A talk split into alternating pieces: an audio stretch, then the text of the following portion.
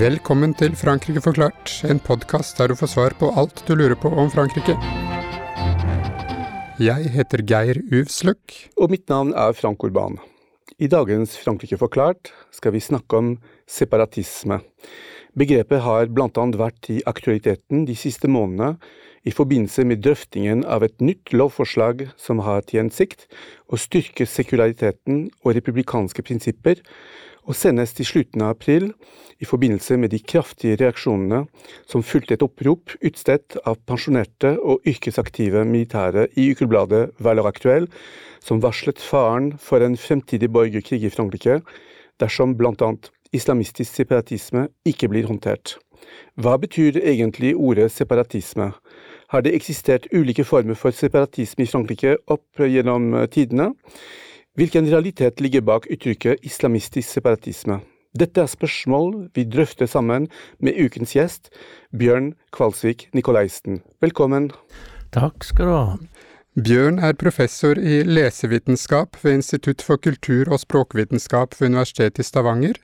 Han har arbeidet med retorikk, hermenøytikk, eldre litteratur, kulturhistorie, lesningsteori, historie og praksis.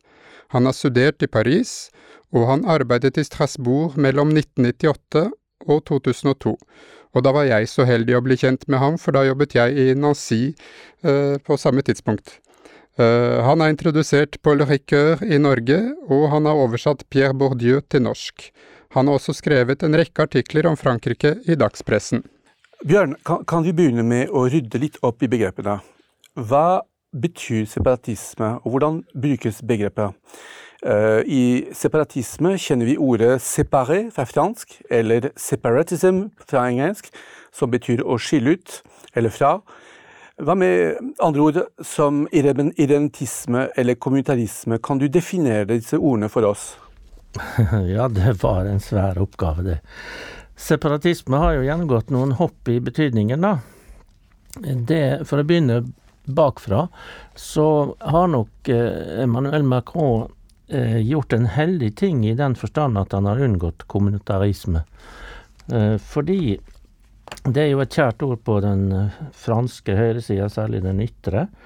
Og en har vel kanskje hatt noen små tendenser i Norge òg til å snakke om miljø og kultur når en snakker om hele etniske eller religiøse grupperinger, da. ikke sant? Eh, men i Frankrike har en jo ofte snakket om la communauté juive, eller eh, la communauté musulmane, og den typen ting. Det får jo en til å tro at dette handler om enhetlige størrelser, med felles religiøs legning, felles politikk, felles kulturell tradisjon, men det stemmer jo aldri. Vi snakker jo aldri om la communauté chrétienne, eksempel. Eh, som vi jo bare vet er splitta opp i svært mange fraksjoner, og ikke bare katolisisme og protestantisme. Så, eh, men her er det da slik at eh, den religiøse følelsen og betydningen har vært der fra begynnelsen av, men den har også vært borte en stund. Selv om dette er et godt forsøk av Macron, så har han jo da klart å koble noe territoriale spørsmål med religiøse eller mentalitetsspørsmål som franskmennene jo vanligvis er veldig gode på å analysere. Fordi, fordi hvis, hvis, man, eh, hvis, man, går tilbake til definisjonen, ja. hva, hva, betyr separatisme?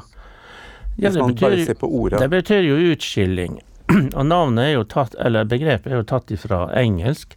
Og da vi fikk de første store separatistene i det, i det britiske området, så var det jo med puritanerne som ville bort, og de brukte jo mønsteret for så vidt til Henrik 8., som separerte seg fra eh, den katolske kirke.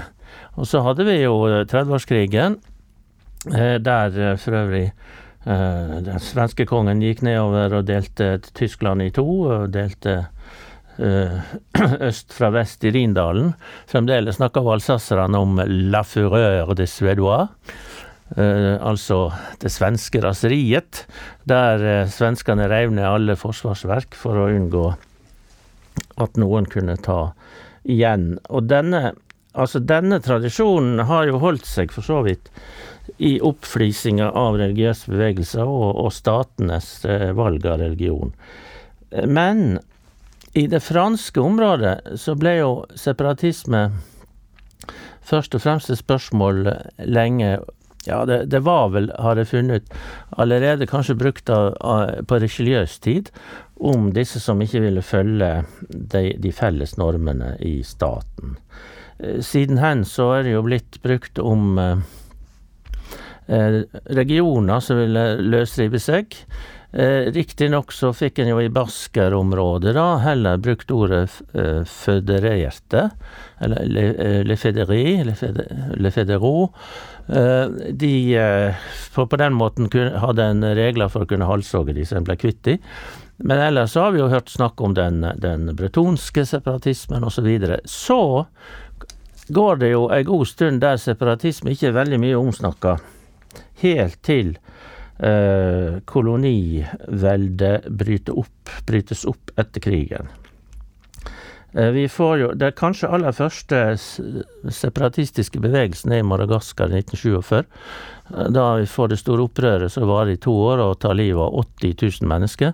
Men så får jo krigen i Indokina, der franskmennene eh, prøver å hindre at Eh, at de gamle koloniene forsvinner, og vi får selvfølgelig Algerikrigen. Og da er det jo at Charles de Gaulle benytter seg av dette begrepet eh, separatisme for å beskrive de som da av dels ideologiske grunner, men eh, særlig da eh, identitetsmarkeringsgrunner vil, vil, beholde sitt eget territorium. Og han, eh, i, i 1964 så benytter han jo begrepet veldig aktivt mot disse på, i, i, Martinique og Guadeloupe som ønsker å løsrive seg. Som, de er jo da fylker i Frankrike. Uh, så Bjørn, kan du også ja. uh, nå, nå kommer vi godt, godt, inn i etterkrigstiden. Uh, ja. Kan du, og du har begynt å gi noen eksempler innen altså fransk historie og kolonihistorie. kan du også gi noen eksempler innad i Frankrike? Uh, i nyere tid, hvor separatisme har blitt brukt? Ja, vi har jo da selvfølgelig de berømte uh, kommunistene i den kalde krigen, da. Og, og den, den, kommunistiske um, aksjonismen i fagbevegelsen er jo kjent som en er ofte omtalt som en form for antifransk bevegelse. Jeg har nå ellers møtt den i franske kolonier, eller tidligere kolonier, der du har Jeg har møtt professorer på universitetene som har vært tolv år i Moskva og, og, lært å bli antifranske der, og har opprettholdt en form for, for ideologi på dette. Men den typen folk har han jo hatt en del av i Frankrike òg. Og vi har selvfølgelig de identitære på begge sider.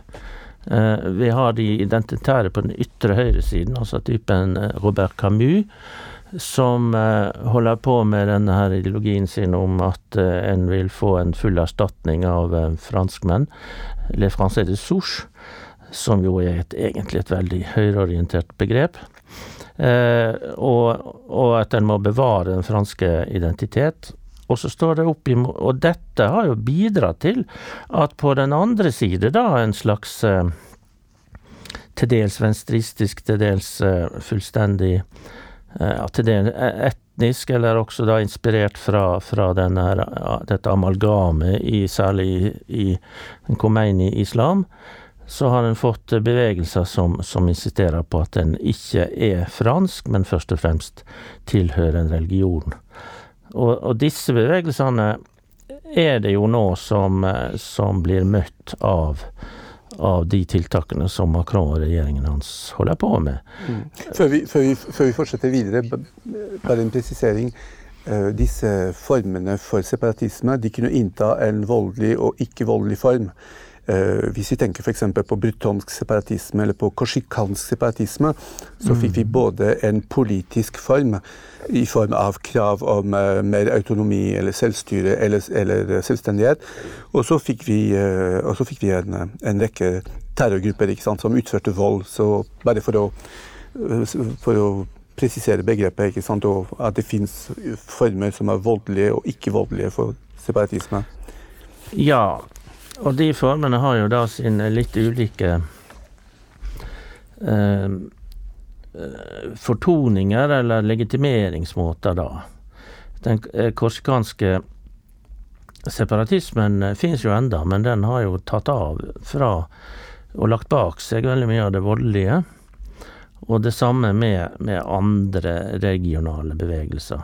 Det som er litt av problemet når det gjelder disse nye, eller identitære, separatistiske bevegelsene, er jo at de er ikke så lett identifiserbare.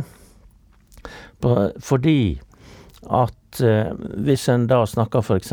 om eh, salafistisk jihadisme i Frankrike, så er det jo en lang rekke ulike ytringer av det. Vi har jo jihadister som er milde og saktmodige mennesker à la norske pietister. Ja, som for så vidt ikke nødvendigvis trenger å være så lite strenge. Men de jobber, arbeider jo med sin egen eh, ånds renhet og kjemper mot eh, påvirkninger de ikke ønsker. De er jo ikke voldelige. På den andre side har vi jo oppfordringen til jihad, altså den nye eh, jihadismen, som kommer ved at wahhabittene har på en måte fått lov til å bestemme hva som skal gjelde som hovedideologi i mange deler av islam. Slik at eh, det å snakke om islamisme og jihadisme er faktisk ikke helt enkelt, og der kan det ligge noen fare Eh, i det, den debatten som nå pågår i Frankrike. Ja, Frank, eh, du nevnte jo, Bjørn, denne talen til Macron hvor han i fjor brukte uttrykket islamistisk separatisme. Og det, dette har vært en diskusjon som har vart en stund i Frankrike. Eh, og et konkret eksempel er uh, sosiologen Bernard Rougier, som er professor ved Universitetet Paris 3 Sorbonne Nouvelle, og som er spesialist på salafisme og islamisme. Han snakker om såkalte islamistiske økosystemer, som har fått innpass i flere urbane forsteder rundt omkring i Frankrike i løpet av de siste tiåra. Så hvordan vil du beskrive disse økosystemene, og hvordan påvirker de omgivelsene i uh, forstedene? Altså, Roger er en interessant eh, skikkelse, selvfølgelig, og jeg har boka hans foran meg her. Eh, det han jo gjør nå, da, er å gå et godt stykke videre med å snakke om territorier som er erobret. Le territoire conquis de l'islamisme. Han eh, går dermed bort ifra en form for abstrahering som vi lenge har sett i 20-25 års tid i forhold til skolen, der mange, eh, f.eks. denne mannen, denne rektoren som heter Bernard Ravé, som skrev boka 'Principal de Collège' og 'Imam de la République', altså der han forteller om utviklingen fra en sekulær skole til en skole der du alltid er i krig om de religiøse symbolene. Sånn at det har vært ofte snakk om at skolen er blitt et slags eh, muslimsk territorium. Jeg veit ikke om denne konkretiseringa av en egentlig abstrakt størrelse er sunn. Altså, eh, vi har helt sunn, da. Vi hadde allerede i 2008 La Peroni som laga ei bok som heter Le Ghetto Urbain. Jeg har snakket med La Peroni om hans skjebne etter den. Da var det sånn på den tiden at han ble ostrakisert av det akademiske samfunnet. Han mista bevilgninger, han ble plassert i en liten krok. Han har fremdeles et kontor i, i Saint-Germain, eh, og ikke eh, på sitt egentlige arbeidssted. Han, eh, han holder seg i bakgrunnen. Fordi at det skulle ikke snakkes om at det kunne være gettoer. Men denne gettoifiseringa den snakket allerede Pierre Bourdieu om i begynnelsen av 1990-tallet, og advarte sterkt mot den, sammen med Abdel Malek Sayad som var hans medarbeider, døde altfor tidlig, dessverre. Og de mente jo da at forfallet i disse her banlieuene i forstedene, og forfallet sosialt, og mangelen på oppfølging av eh, ungdom som, som ja, ut fra skolen osv., det ville gi problemer.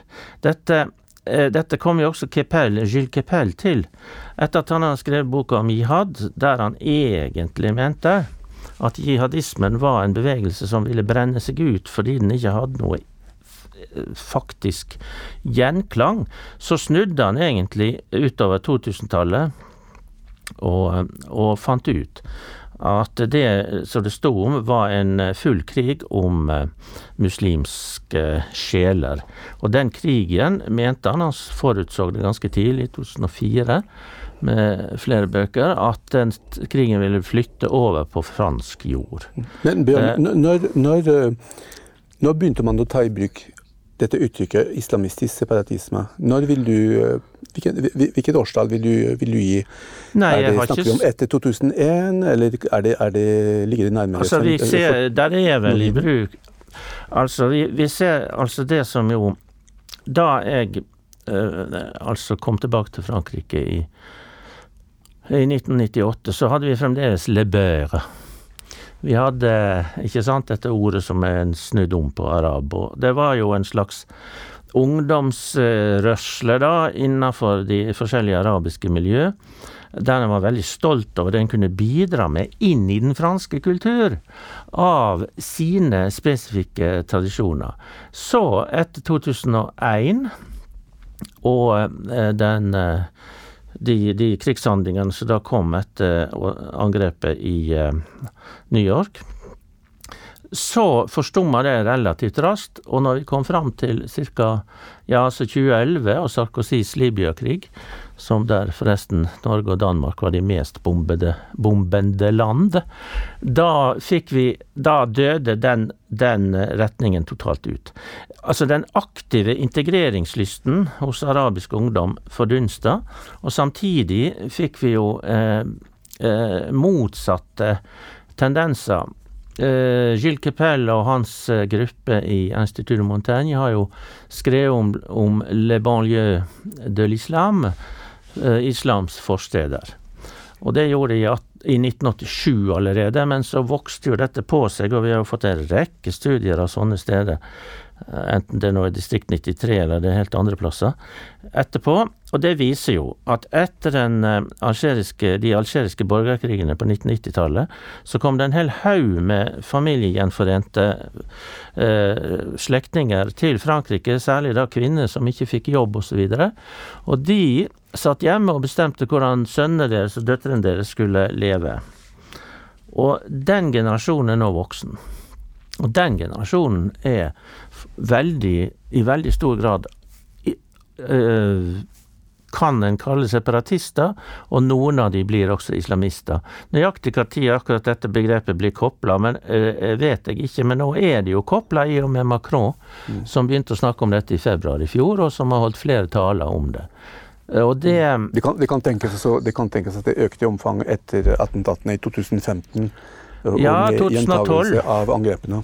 2012 ja, med, med, med, med og de der mm. Altså, der har jo Kepel ment å kunne påvise at Meru var slett eh, ingen eh, ensom ulv.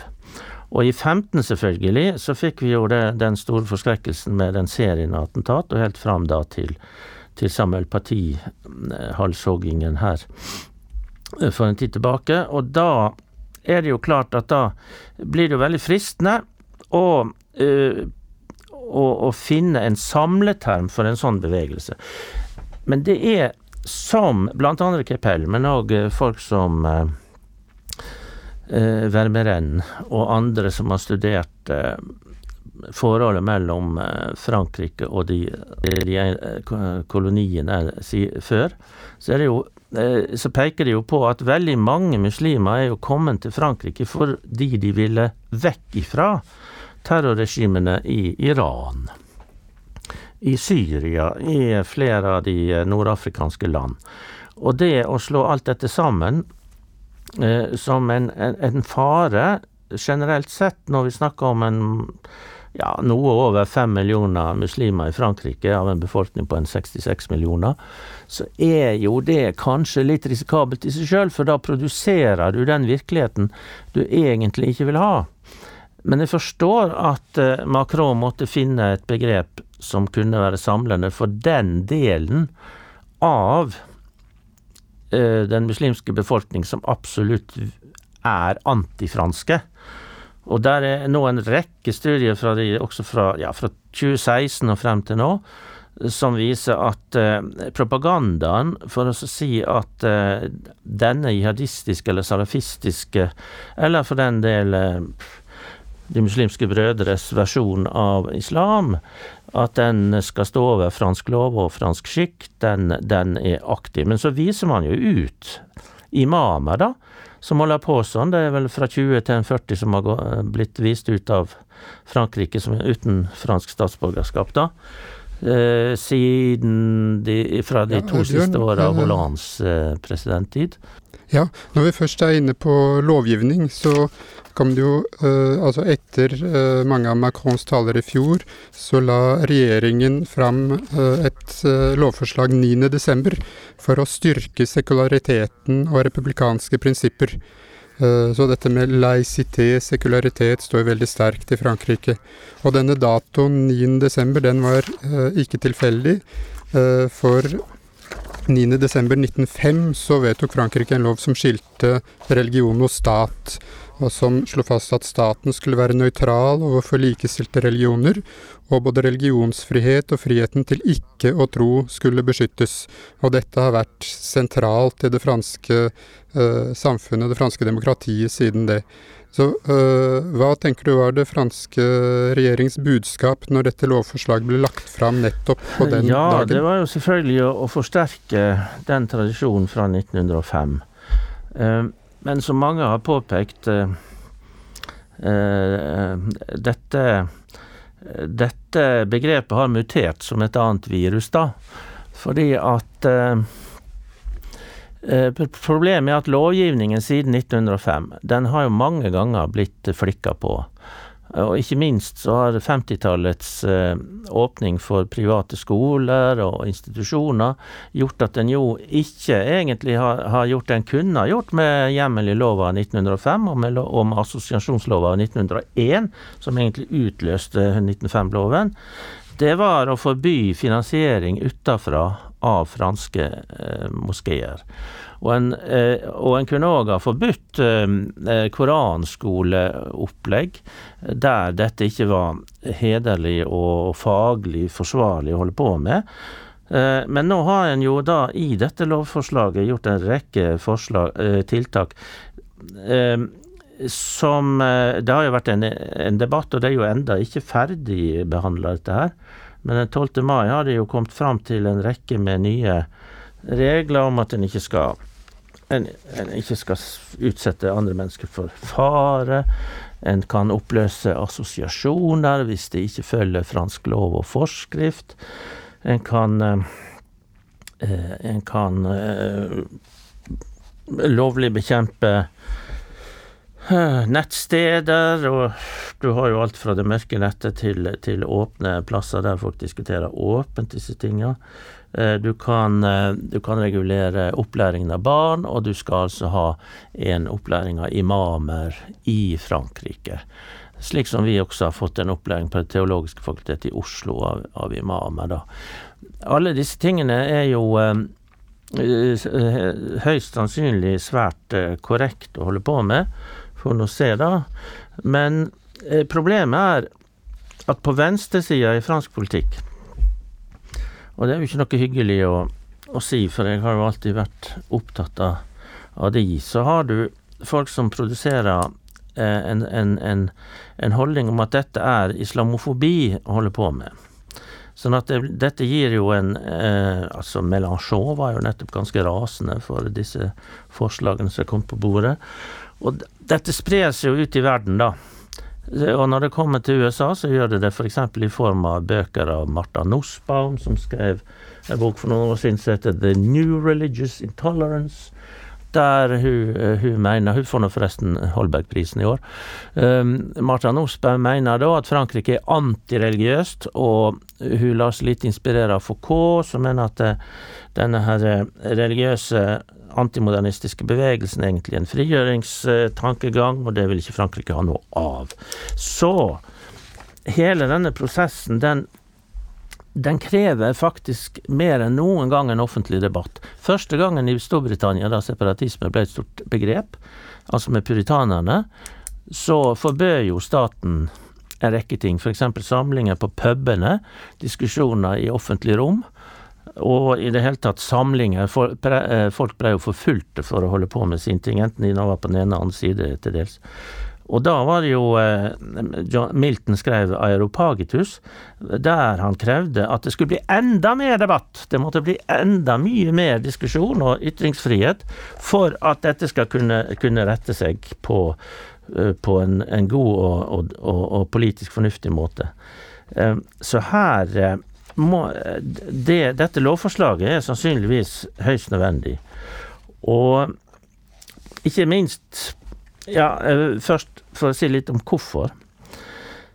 Den franske stat har jo alltid lært oss noe med altså Iallfall den franske kultur da, de siste 300 år, kan vi si. Også under Solkongen. Har lært oss veldig mye om at uh, kulturblanding er det gode. Montesquieu skrev om eh, Le Persan, han skrev om eh, vikingenes tingsvesen i L'Esprit de Loire. Han skrev om um, andre element i europeisk kultur som en kunne ta opp i en, en sunn lovgivning. Og sånn holdt en på i Frankrike svært mye. Å ta opp i seg det beste av det en kunne få fra omgivelsene, og, og sortere det og analysere det og stå i. Og på den måten ble jo Frankrike et foregangsland for vitenskap og, og, og filosofi. Eh, når da eh, Frankrike eh, ser seg nødt til å avgrense denne antistatlige og antifranske virksomheten, så er det gode grunner til det, nemlig at det vil jo da splitte landet. Men hvis en går tilbake til den richelianske måten å tenke på, nemlig at alt må være sentralt delegert, alt må være enhetlig, alt, alt må være underordna én logikk, så vil en jo samtidig framprovosere eh, de typene protester som ja, vi fikk i 1960-tallet under gaullismen, ikke sant? Eh, eller som en har hatt eh, Du kan jo bare gå på en bistro i Frankrike og snakke med folk, hvilket de gjerne gjør når de har anledning. Men Bjørn, du, du snakker om offentlig debatt eh, 31.10.2020. Eh, så lanserte en gruppe franske muslimske intellektuelle en appell ja. eh, hvor de forsvarte den franske presidenten eh, for å ha kritisert islamisme som forvrengning av islam, og ikke islam som religion. Altså, de støttet ham faktisk i forsøket på å gå løs på islamistisk ideologi. Og Reaksjonene i en rekke muslimske land på Macrons tale og på regjeringens lovforslag har derimot vært harde, og lovforslaget blir tolket som et angrep på islam som religion.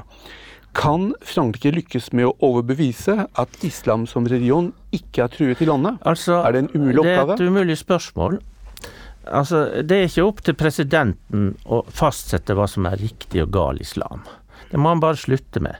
Det er heller ikke hans oppgave å fortelle hva som er riktig og gal katolisisme. Eller øh, å ta vare på de der øh, erkekonservative katolikkenes øh, følsomhet for samkjønna ekteskap osv. Det er ikke hans business. Han bør holde seg til loven av 1905, og så bør han la være å kommentere hva som er riktig og gal islam. Og det, For der har han gjort en alvorlig feil, etter mine begreper, sjøl om jeg forstår poenget. Det, det, er opp til teologene og religionshistorikerne å finne ut av hva som er, er riktig og gal islam. Men islamisme som begrep eh, handler jo Jeg vil jo heller da snakket om jihadisme, sånn som så Farad Korsokawar og alle disse andre gjør, eller altså Kepel, eller Vermeren, eller eh, Stora, eller alle disse som Vi vet godt at islamisme ikke er det samme som islam. Og vi vet også, som så mange har påpekt, at veldig mange muslimer er i Frankrike for å stikke av ifra islamismen. Men, hvorfor, men derfor så trengs det da i det minste et arbeid for å finne ut av hva staten egentlig skal legge seg opp i. Altså at staten er imot jihadisme, er flott. At staten er imot voldelige, men også ideologiske forsøk på å eh, angripe statens fundament, det er greit. Men det er mulig at en går langt når en prøver å eh, snakke om at angrep på franske verdier kan være kan være så skadelig at det må rettsforfølges. Derimot så er det jo klart at en kan, en kan med mange lover i hånd også privatskoleloven og alt mulig annet, eh, regulere assosiasjonene. Jeg har sjøl vært leder av en assosiasjon i Strasbourg. Uh, og der måtte vi jo følge de vanlige uh, regler som eksisterte, og vi måtte uh, rett og slett det, det som gjaldt. og der, der, der, kan en egentlig bare samordne en rekke lover som en har hatt i 120 år. Og det savner jeg kanskje litt i den franske debatten. Den franske presidenten skal ikke avgjøre hva som er riktig og gal islam. Takk for det, Bjørn. Og det er uh, veldig viktig å understreke, som du sier, dette at man må ha en uh, saklig debatt om dette. Og der tenker jeg at en god del av de forfatterne og bøkene som du har nevnt allerede, uh, fra fransk side, kan være veldig viktig lesning for mange. Også i Norge, hvor man kanskje litt ofte leser engelske tekster om forhold i Frankrike. Og det er ikke alltid like grundig som de forfatterne du har referert til her. Eh, på slutten av hver episode så ber vi gjesten vår om å komme med en fransk anbefaling. Så uh, hva er eh, anbefalingen din til lytterne våre? Jeg har lyst til å si at Bjørn? alle bør lese alt av Gilles Kepel. Men han har i sine to siste bøker, da, og spesielt den aller siste som kom i februar, så, så har han gitt et, et, veldig godt blikk på hva er det som faktisk regulerer Eh, franske muslimers eh, holdninger, og hvordan eh, den franske staten er under press utafra. Her var jo nevnt uh, flere altså Frank nevnte jo dette med de, de uh, statsledere, f.eks. Erdogan, da, som har vært veldig sinte på, på Macron. Og dette skyldes jo en utvikling inne i disse muslimske statene der det er en underminering av eh, en rekke politiske system, og der demokratiet langt på vei står i fare. Og dette får vi et levende bilde av i denne siste boka til Kepel, som heter Le prophète et la pandémie du Moyen-Orient og jihadisme d'atmosfære. Altså profeten og pandemien, og den profeten er ikke Mohammed, men Abraham. Det er de tre bokreligionene det er snakk om og eh, hva de har gitt til uh, kulturell diskusjon i Europa og Midtøsten, rundt hele middelhavsområdet, og altså atmosfærenes jihadisme. Den jihadismen som foregår på nettet, som foregår eterisk og med ryktemakeri, eller som da det norske Petter Nesser har beskrevet så godt i boka si om terror i Europa, altså gjennom um, entreprenører folk som setter i gang og lager seg små businesser ut av å, å ale opp nye terrorister blant ungdommen og andre. Der har heldigvis det franske overvåkningspolitiet blitt veldig dyktig. Nei, altså, men Kepel er å få forstand av, men det er en rekke andre svært interessante uh, forfattere i Frankrike som har uh, mye å si om dette. og, og um, det, det, er bare, det er bare vi må, vi må bare unngå en rekke av disse forenklingene, som for eksempel vi ofte støtter på i norsk debatt, da. Ja, absolutt. Uh, Frank, har du også en anbefaling? Ja, det har jeg, Geir. Eh, vi uh, har snakket allerede om Bernard Rougier, og jeg vil gjerne anbefale hans bok fra januar 21, som heter på norsk 'Islamismens erobrede territorier'. Le territoire conquis de l'islamisme. Rougier er sosiolog, han er professor ved universitetet i Paris 3, Sorbonne Nouvelle. Og i den boken eh, så skriver han om hvordan såkalte islamistiske økosystemer har, har fått innpass i urbane forsteder rundt omkring i Frankrike i løpet av de siste ti årene. Og I boken så identifiserer han særlig fire grupper som utgjør dette økosystemet. Det muslimske brorskapet, tablikk-bevegelsen, salafismen og jihadismen. Og hver på sin måte utgjør de en utfordring for Frankrikes sekulære system. Og de finner dette her uh, på vår uh, Facebook-side. Og så skal jeg hilse fra Kjerstin, som anbefaler for de som ønsker å følge med på det som beveger seg på ytre høyre fløy i Frankrike.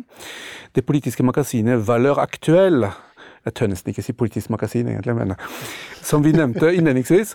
Saker som har stått på trykk eh, her, setter ofte agendaen i den franske offentlige debatten. Eh, nå sist altså med en eh, mye omtalt kronikk skrevet av flere generaler og offiserer som adverter mot en potensiell borgerkrig i landet.